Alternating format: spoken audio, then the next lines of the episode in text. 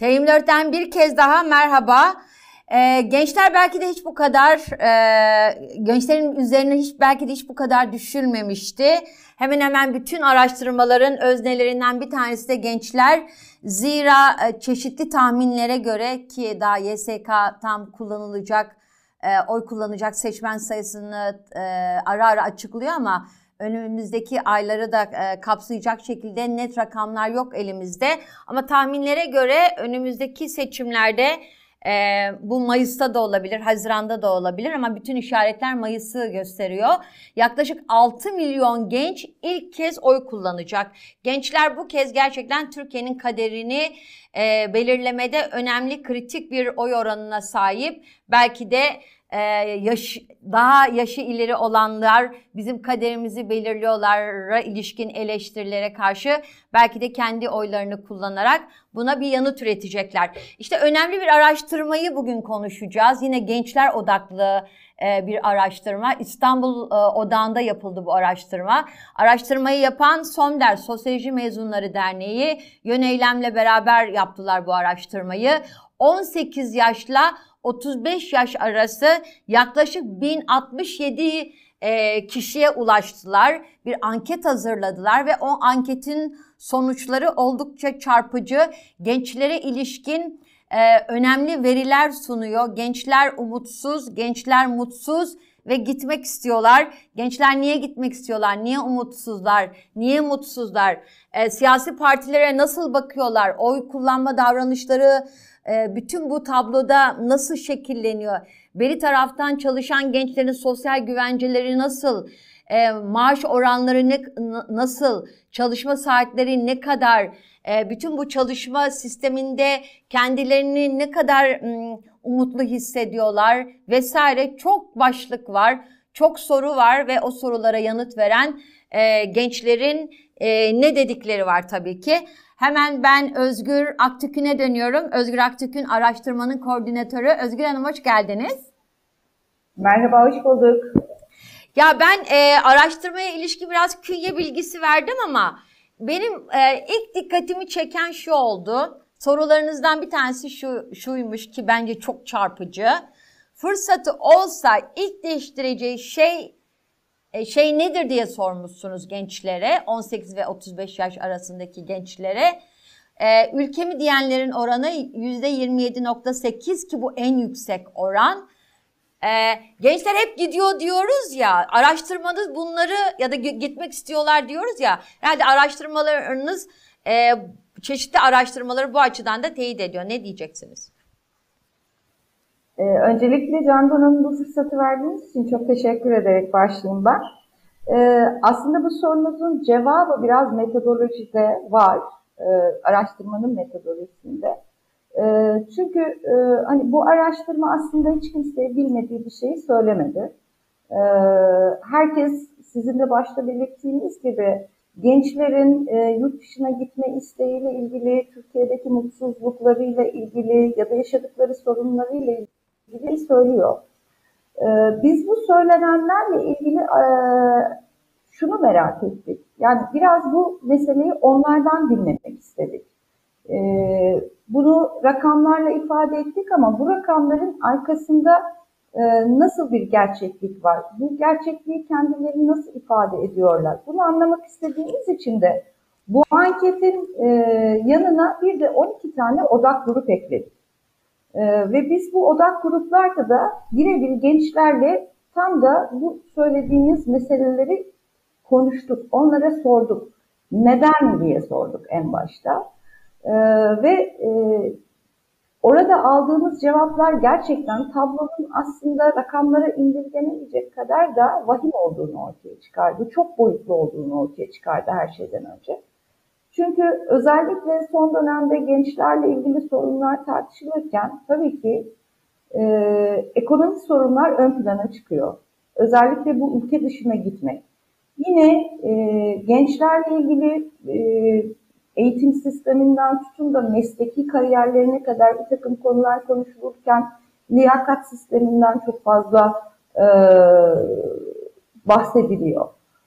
Fakat bu noktada gençlerin bir eleştirisi var ve e, şunu söylüyorlar. Mesele kendi başına ekonomik değil aslında. E, meselenin sosyolojik boyutu var, ekonomik boyutu var ve aynı zamanda psikolojik de bir boyutu var. Yani bu ülkemi değiştirmek istiyorum meselesinde de biz gördük ki e, mutlu olmak istiyorlar. Kendilerini daha özgürce ifade edebilecekleri bir alan istiyorlar. Ve e, her şeyden önce de dinlenilmek istiyorlar. Yani onlar konuşmak istediklerinde, e, kendilerini ifade etmek istediklerinde onları gerçekten dinleyen birilerinin olmasını istiyorlar ve bunun bu ülkede olmadığına ikna olmuşlar. Yani kendi sorunlarını anlattıklarında ya da anlatabilecekleri bir mekanizmanın da olmadığını aslında düşünüyorlar ve siyaset sorularında da zaten e, verdikleri cevaplarda e, hep bu karşımıza çıktı. Bir de yine aynı soruya verilen yanıtlardan e, tabii çok farklı yanıtlar var. İşte ülkemi e, ilk fırsatım olsa ilk değiştireceğim şey ülkem diyenler evet. birinci sıradayken işte maddi gelirimi değiştirmek istiyorum diyenler ikinci sırada. Ee, işte eğitimi değiştirmek isterim diyenler üçüncü sırada vesaire. Ama mesela şu çok çarpıcı geldi bana. Ee, fırsatı o fırsatı olsa ilk değiştireceği şey gençlerin e, sistem sorusuna e, değiştiririm diye yanıt verenlerin oranı yüzde iki. Yani gençler sistemle bir sorunu yok olarak mı okuyacağız bunu? Gençler siyasete ilgisiz diye mi okuyacağız bunu? Yoksa gençler gerçekten e, mevcut siyaseti önemsemiyorlar, beğenmiyorlar, eleştiriyorlar ya da kendilerini özne olarak görmüyorlar mı? Siz bu sistemi değiştiririm diyenlerin ilk fırsatınız ne olsa neyi değiştirirsiniz sorusuna yanıt veren yüzde ikilik gençler sistemi değiştiririm diyen gençler neden bu kadar az? Aslında şöyle, e,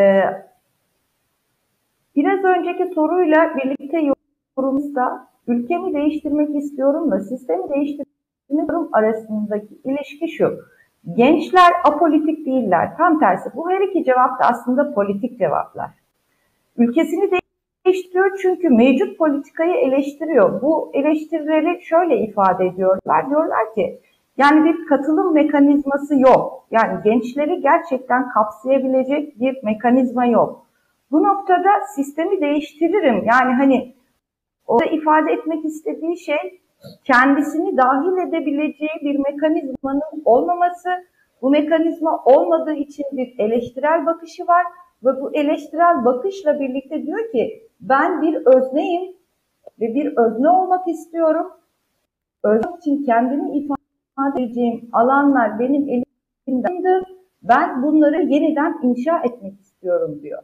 Aslında gençlere dair e, hani bizim bu araştırmada edindiğimiz gözlem şu. Kesinlikle politikler, kesinlikle politikayla çok ilgileniyorlar ama mevcut politikanın araçlarını ve yapılma biçimlerini benimsemiyorlar. Aslında bu soruya verilen bütün cevapların altında o yatıyor. Peki şu... Mekanizma... Heh, buyurun. Hani bu mekanizmayı değiştirme gücünü kendilerinde bulabiliyorlar mı derseniz ya da e, onlara bunu değiştirebilme olanağı tanınıyor mu derseniz orada başka bir sorun devreye giriyor. E, ilerleyen sorularda belki onu e, ayrıntılı konuşabiliriz. Örneğin bir katılımcı şöyle dedi. Günde 12 saat ben mesai yapıyorum. Bu, bunu söyleyen 21 yaşında bir genç. 12 saat mesaiye artı 2 saatlik yol ekleyin 14 saat. Ben evet bir şeyleri değiştirmek istiyorum çünkü bu benim hayatım ve ben mutsuzluğu yaşıyorum. Ama bunu yapacak maalesef fiziksel gücü bulamıyorum diyor. Hı hı hı.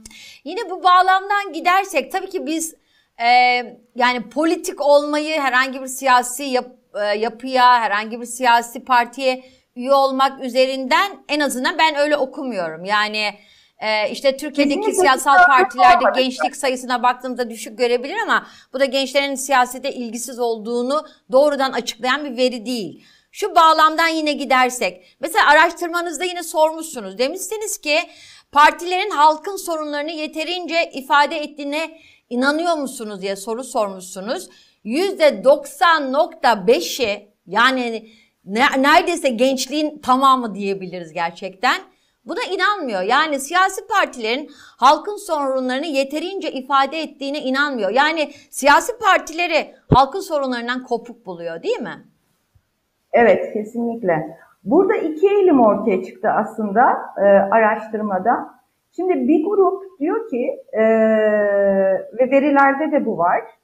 E, bize bize anlatmalarından çok sıkıldık. Yani herkes bir ekonomik sıkıntıdan, herkesin sorun konuşmasından çok sıkılmış durumdalar. Çünkü e, bunu ifade ederken de e, şu cümleyi kullanıyorlar ve diyorlar ki yani zaten bu sorunları yaşayan biziz. Bana beni anlatmalarını istemiyorum. Ben çözüm istiyorum.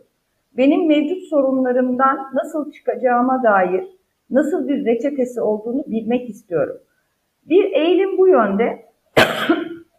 Çok pardon. Rica ederim. Ee, bir de mevcut biraz önce sizin söylediğiniz gibi partilerin yapısı ve üyelerini birleştirileri var. Ee, gençler biraz böyle doğrudan doğruya mevcut üyelik sistemini de eleştiriyorlar. Daha esnek, daha e, nasıl söyleyeyim daha e, gevşek bağlarla bağlanabilecekleri bir format e, tercih edeceklerini belirtiyorlar. E, burada e, mevcut siyasetin kutuplaştırıcı dilini çok eleştirdiler. Dediler ki yani bir yere üye olmak e, onların günlük yaşamındaki bazı sosyal ilişkilerini e, ilişkilerini engelleyebilecek bir model dayatıyor onlara. Ya onlardansın ya değilsin. Siyasetin dilini biliyorsunuz. Bunun üzerine kuruldu çok uzun zamandır. Bir kutuplaştırıcı dil var. Bu noktada da e, bunu benimsemiyorlar çünkü sosyal alanlarda ilişkilenirken insanlarla e, kim oldukları e, yani insan olarak kim oldukları üzerinden siyasi görüşlerinden ya da parti aidiyetlerine göre ilişkilenmedikleri için bunun e, o alana zarar verme potansiyeli olduğunu düşündüklerinden daha uzak e, bir mesafede duruyorlar. Ama e, bu noktada demin de söylediğim gibi e, siyasetle çok ilgililer ama mevcut siyasetin yapılma biçimi, e, ona katılma biçimleri ve formatları ile ilgili ciddi eleştirileri var. E, şimdi siyasetin aktörleri bütün bunları nasıl okuyor onlara geleceğiz de yine araştırmalardan çıkan verilerin çarpıcı verileri sizin analiz etmeye devam edelim. %81.6'da siyasi partilerin sorunları çözebileceğine inanmıyor. Yani şu anki mevcut tablodaki yani işte meclisteki temsil edilen partiler, meclis dışı partiler evet. ki onların bir kısmı işte gençlik politikaları başkanlığı falan kurdular. Eskiden gençlik kollarıydı çeşitli partilerdeki gençlerin varoluşu. Kol e, e, şey tanımıyla e, tarif ediliyordu gençlerin partideki varoluşu. Yani mevcut partilerin hiçbiri gençlere ulaşamıyor şu an değil mi? Onu anlıyorum ben. Evet kesinlikle. Çünkü e, şimdi genel bir eğilim var siyasette de bir e, bu yön var. Gençler geleceğimizdir. Şimdi bu motto üzerine bayağı bir e, konuştuk biz gençlerle. E, bu da çok tepkilerini çekiyor. Biz şimdi de varız diyorlar. Yani gelecekte değil, şimdideyiz. E, ve bizim neden e, bütün şu an içinde olduğumuz sorunlar, hayatımız, hissettiklerimiz neden e, sürekli bir geleceğe, belirli bir zamana doğru öteleniyor? Oysa ki onların istediği şey şu an içinde bulundukları zaman diliminde onların ne dediğini duyan ve bunu e, sorunları doğru yerden anlayan ve onları dinleyerek e, en başta anlayan bir mekanizma talep ediyor. Bu kadar aslında e, siyasi partilere e, karşı güvensizliğin tabii başka parametreleri de var. Ama e, özellikle son dönemde e, siyasetçilerin özellikle yaş oran e, ortalamalarının çok yüksek olması bir kere çok eleştirdikleri bir şey. Çünkü diyor ki e, neden bugün, bugüne kadar yapabilirdi? Demek ki yapamıyor. Yani hani biz hala bu sorunları yaşamaya devam ediyorsak ve e, hala siyasi aktörlerin çok yaşlı ve çok uzun süredir siyasette olmalarına rağmen bir takım sorunlar düzelmiyorsa Demek ki bu insanlarda da bir problem var diye düşünüyorlar ve hı hı. E, bir eleştirdikleri nokta da o. Eğer gençler gibi bir siyaset ya da e, şu an mevcut ülkenin sorunlarına dair yapıcı, çözücü e, bir yaklaşım varsa bizim daha çok gençleri görmemiz gerek ama tam tersi bir takım e, tırnak içinde kullanayım dede kullandılar. E, hani bir takım dedeler çıkıyor televizyona e, sürekli bizim hayatımızla ilgili e, bazı kararlar alıyorlar ve bize bir, bir şey dayatılıyor. Buna uyma deniyor diyerek bunu eleştiriyorlar. Ve Bu dedeler ifadesi gençlerin değil mi Özgür Hanım? Evet, evet odak gruplarda kullanılan bir ifade. E, o nedenle de e, yani eğer gerçekten siyasi partiler bir şeyleri çözmek konusunda istekli ve istikrarlı bir e, politika üreteceklerse bizim gençleri daha çok televizyonlarda ya da siyasi partilerde daha aktif olarak görüyor olmamız lazımdı. Hı hı. Bu nedenle de bir güvensizlik var. Bu olmadığı sürece de e, gerçekten çözmek istediklerini düşünmüyorlar. Hı hı. Bir de e, Özgür Hanım şöyle bir fark var değil mi? Ben yanlış okuma yap ben en azından öyle okuyorum. Onunla ilgili fikrinizi de düşün e, sormak istiyorum. İşte 68 kuşağı, sonra 78 kuşağı, işte 90'lar kuşağı vesaire. Onlar böyle bir bir tür e, gelecek e, tasavvurlarını hep böyle bir sonraki döneme belki yıllar sonraya e, atan, oraya erteleyen, erteleyen demeyeyim de en azından bir gelecek tasavvurunu siyasetin odağına alan kuşaklarda. Şimdiki kuşak özellikle sizin görüştüğünüz bu 18-35 e, yaş arası kuşak gelecek yok hemen şimdi diyor değil mi? Ben öyle anlıyorum. Aynen, aynen. Ee, zaten biraz önce bahsettiğim şey buydu. Ben geleceğe ötelenmek istemiyorum diyor. Ben şimdi varım. Ben şu an bu sorunu yaşıyorum. Eğer bu sorunu çözmek için siz bir e, bu sorunu çözmeye talipseniz ve siz yasa yapıcılık e, tutun da biz zaten hani parantez içinde şunu belirteyim. Siyaset kurumu diye sorarken sadece siyasi partiler üzerine odaklamadık çalışmamızı. Bunun içerisine akademiyi, basını, e, sivil toplum örgütlerini çünkü bunların da her birisi aslında politika yapıcıdır ve onun bir parçasıdır, siyaset kurumunun bir parçasıdır. E, araştırma kapsamında zaten e, mesele sadece oy verme, vermeme meselesi değil, daha siyaset kurumuna nasıl bakıyorlar? Yani hani gelecek inşa etme aslında. Hem bireysel geleceklerini inşa etme hem de sal geleceğin nasıl inşa edileceği, mevcut kurumların buna yetip yetmeyeceği ve buna gerçekten e, istekli olup olmadıkları yönünde bir soru aslında o. Tartışmaları da hep bunun üzerinden zaten. Ve söylediğiniz gibi ya mevcutta zaten niye bu öteleniyor? Niye bir geleceğe doğru, bir belirsizliğe doğru bir e, e, gönderme var? Hı hı. O da oradaki güven sorununu ortaya çıkaran şeylerden bir tanesi aslında. Hı hı. Eğer gerçekten bu sorunu anlamış olsaydı, çözebilecek gücü olsaydı, bu mekanizmayı kendi içinde yaratabilmiş olsaydı bunu geleceğe atmazdı. Şimdi zaten bunu yapardı diyor. Dedeler yapsaydı zaten yapardı. evet. Yani hani orada gerçekten çok çok anlamlı bir sistem eleştirisi yaptılar.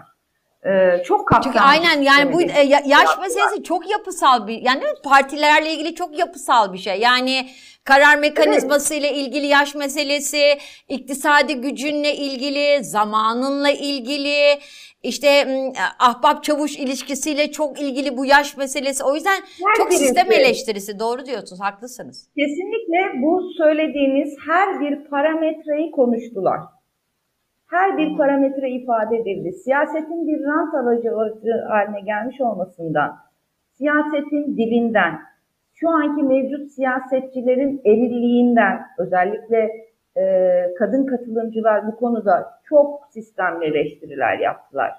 Gençlerin bu arada eşit neden... kota değil mi katılımcılar? Eşit kota. Tabii tabii. Evet, evet, evet. O, o konuda çok hassas davrandık. Eşit temsiliyet. Ve e, yine e, siyaset eleştirisi yaparken e, aslında komple bir sistem eleştirisi yaptılar. Hı hı. Ve bu noktada ayrıldıkları tek nokta işte bir kısmı bunu değiştirebilecek bir takım maddi koşullara sahip değil. Maddi koşul, ekonomik koşuldan bahsetmiyorum. Kendi yaşam koşulları, rasyonel, e, reel hayat açısından söylüyorum. O noktada e, biraz daha duygusal davranıp gitme eğilimi gösterebilir. Çünkü e, hani ne yaparsam yapayım aslında hani e, bu burada yemeyecek gibi bir algı var.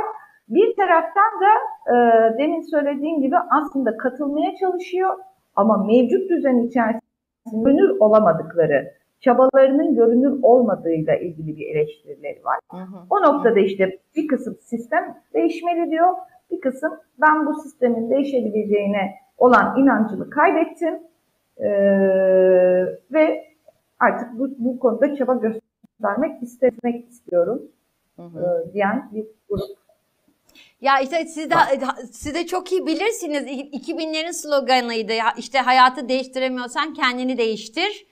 Ee, herhalde ki kendini değiştirme e, kendimi değiştiririm diyenlerin oranı da düşük çıkmış. %6 gibi bir orandan bahsediyorum.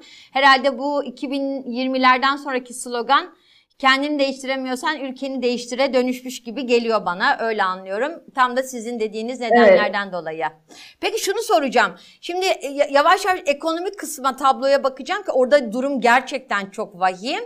Biraz hızlı gidersek evet. eğitim, adalet ve ekonomi en temel sorun. Yani gençlerin ilk üç sorununda eğitim, adalet evet. e, ve ekonomi çok önemli ki adalete vurgu özellikle gençler açısından çok kıymetli.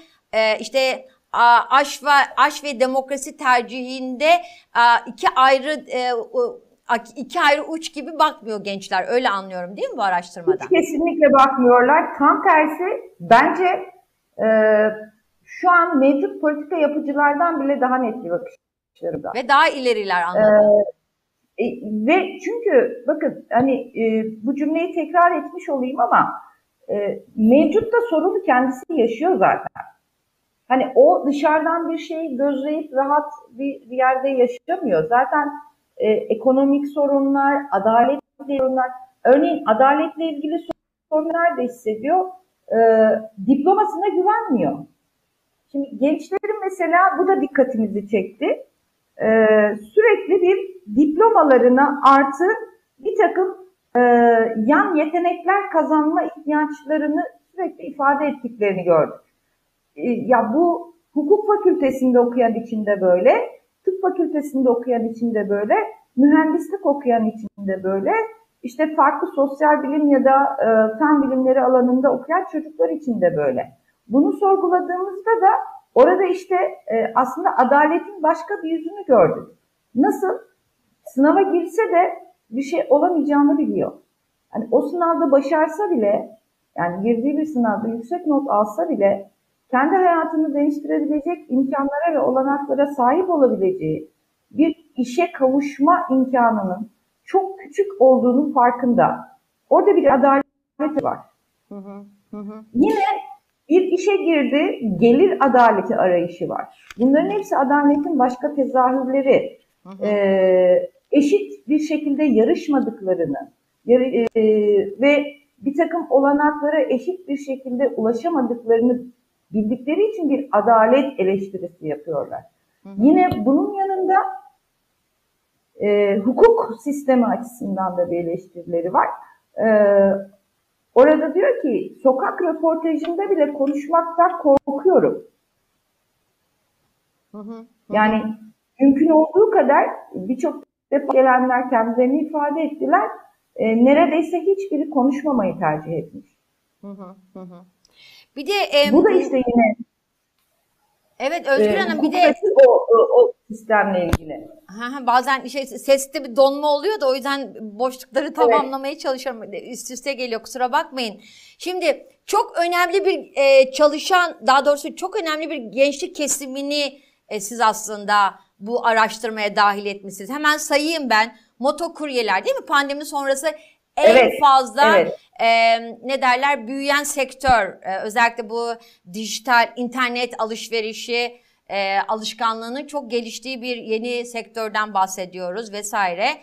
İşsizler, e, öğrenciler, plaza çalışanları, özel sağlık kuruluşlarında çalışanlar ki bunlara hekimler dahil değil, özel eğitim kurumları çalışanları yani özel okullarda öğretmenlik yapanlar ya da PDR yani psikolojik danışmanlık yapanlar vesaire, Evet. market ve mağaza çalışanları yani gençliğin ağırlıklı olarak e, çalıştığı ya da tırnak içinde yani e, çalışamadığı işsizler, öğrenciler e, ki öğrencilerde biliyorsunuz bir tür gizli işsizlik olarak e, gizli işsiz olarak tarif Tabii. ediliyor. Beri taraftan da gerçekten e, en geniş kesimi e, tarif eden bir e, gençlikten söz ediyoruz. Ve bunlar 8-10 saat çalıştıklarını söz ediyor. Çalıştıklarından söz ediyor. E, asgari ücret oranında yani e, temel temel maaş asgari ücret gibi değil mi? 5500 ile 8000 arası en fazla. Evet. Güvencesizlik. O tabloya dair bize neler söyleyeceksiniz? Yani gençler bu tabloda gitmesinler de ne yapsınlar? Ya o, o noktada gerçekten e, veriler çok e, can sıkıcı veriler. Çünkü demin de söylediğiniz gibi çok kitlesel ve hızlı bir biçimde büyüyen bir güvencesizlik Hı hı. e, var ve emek rejiminin bu yönde de değiştiğini biz gözlemledik. E, ve bu noktada şöyle bir ayrım da kalmamış Candan Hanım. Yani eskiden belli okullardan mezun olduğunuzda, daha spesifik uzmanlıklar gerektiren bölümlerden mezun olduğunuzda biraz daha güvenceli bir yaşama kavuşma olanağınız vardır. Bizim örne örneğin e, öğrencilerimiz arasında, öğrenci e, gruplarımız arasında hukuk fakültesi, tıp fakültesi, mühendislik gibi bölümlerde okuyan arkadaşlarımız da vardı. Ve hepsinin en temel kaygısı geleceksizlik, güvencesizlik. Ee, çalışanlar içerisinde de yine bu mesleklerine sahip olan arkadaşlarımızdan vardı. Özellikle plaza çalışanlarında çok spesifik uzmanlıklar gerektiren işte hukukçular vardı, mühendisler vardı. Ee, baktığımızda hepsi için e, ortak kesen şey güvencesizlik. Sahip olduğu tek güvence aslında bazıları için sosyal sigorta Hı hı. ki onu da her an kaybedebilirim korku hiç olmayan çalışma rejimiyle karşı karşıyalar. Hı hı. Hı. Yani hep şöyle ifade edildi, bu birkaç ke- e, kere de tekrarlandı. E, oradaki ertesi gün dolacak. Bu bana hiç unutturulmuyor. Hı hı. E, ve asgari ücret hakkında ya da mesai, fazla mesai hakkında ya da maaş kesintileri hakkında eskiden bir mekanizma vardı iş hukukuna bağlı olarak. Herhangi bir e, hakkınızla ilgili bir kayıp yaşadığınızda işte bir yerlere dilekçe yazmak ya da amirinize soru sormak meşru bir haktı. Şu anda e, bu haklarını kaybetmiş durumdalar çünkü korkuyorlar. Hani benim maaşım niye eksik yaptı diye sorduğumda acaba bana bir şey söylenir de işten çıkartılır mıyım hı. korkusu. Hı hı. Mesailerde temel çalışma rejimi şu. Çok iş, az eleman. Yani neredeyse bütün çalışanlar aslında iş yükü olarak baktığınızda 3 işçinin en az yapması gereken işi yapar hale gelmişler. Ve bunlar şikayet dahi edemiyorlar. Hı hı. Hı.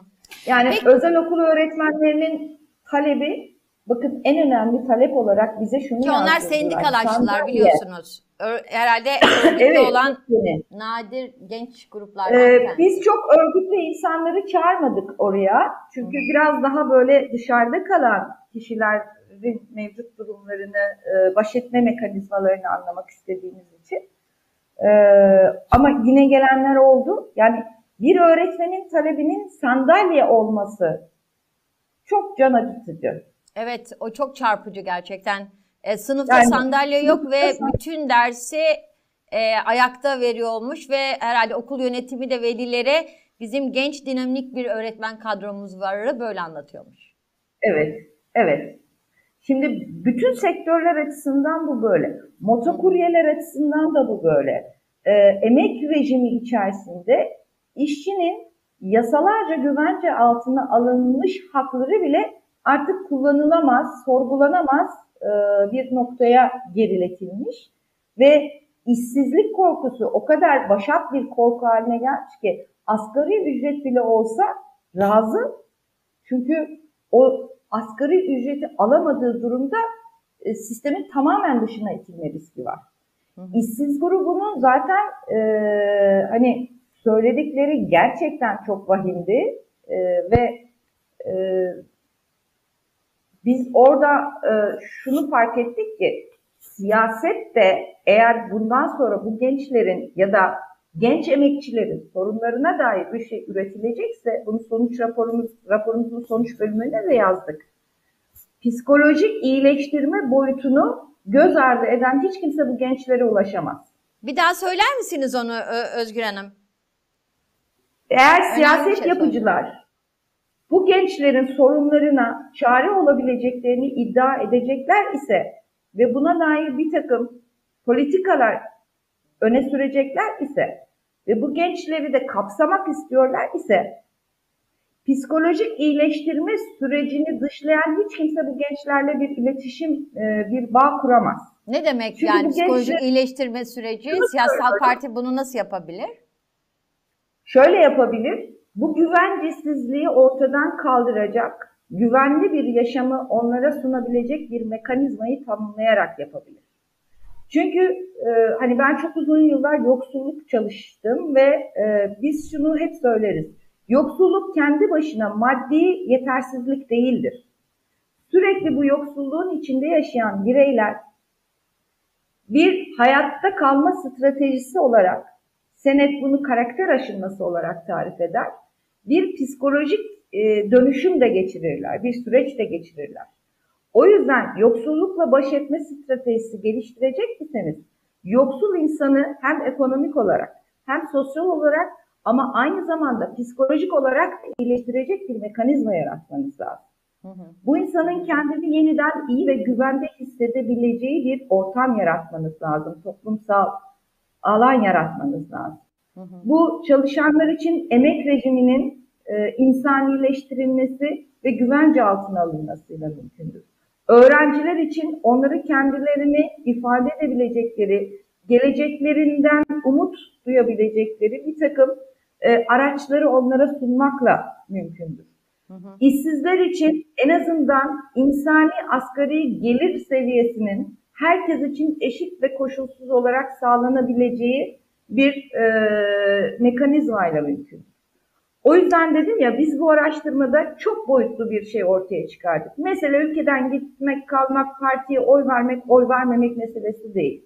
Böyle de algılarlarsa çok büyük bir yanılgı içindeler.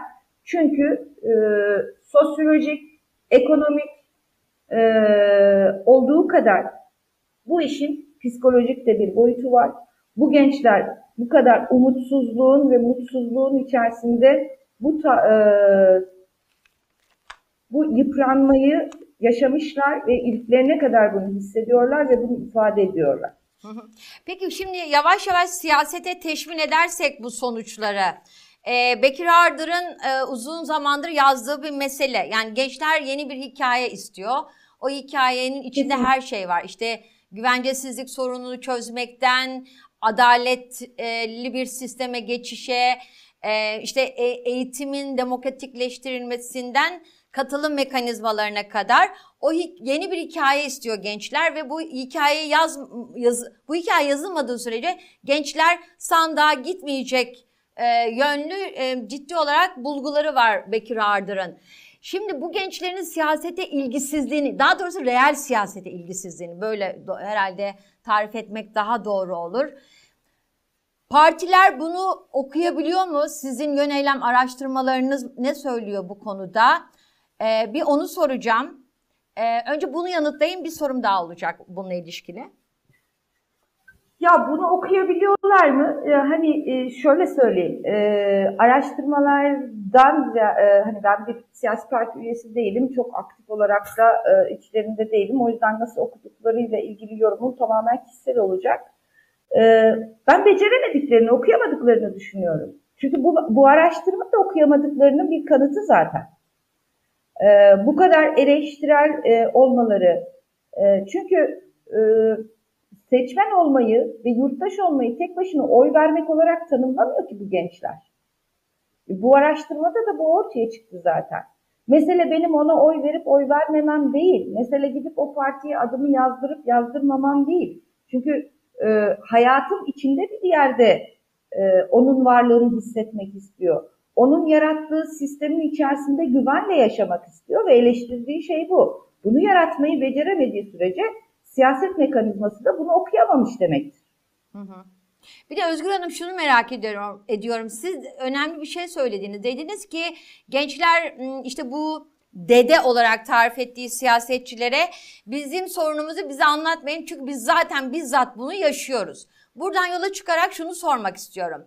Yani e, işte bu e, iktidarın gerçeği örtme politikaları ya da muhalefetin e, bu vaat politikaları ya da işte sizin aslında böyle sorunlarınız var, şöyle sorunlarınız var, işte yoksulluk böyle, eğitim böyle, sınavlar böyle sorunlarını anlatmalarının anladığım kadarıyla gençlikte çok karşılığı olmayacağı için önümüzdeki seçimlerde bir sürprizle karşılaşabilir miyiz? Çünkü iki tarafta aslında bir tür gerçeği görmek istemiyor gibi anlıyorum. O açıdan sürpriz sonuçlar olabilir mi e, gençler eğer sandığa giderse?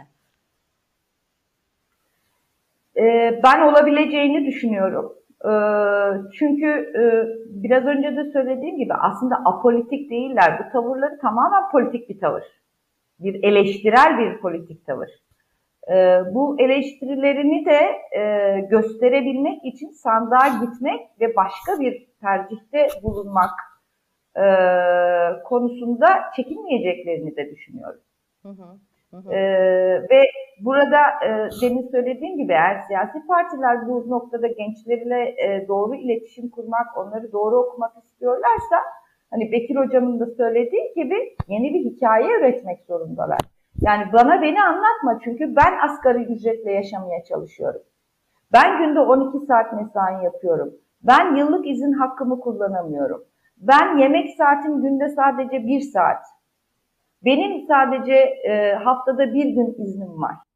Ve bu bir günde ben bütün hayatımın geri kalan işlerini yapmak zorundayım. Ve bu bir günde bir sinemaya gidemem çünkü arkadaşımla aynı günde izin kullanamıyorum.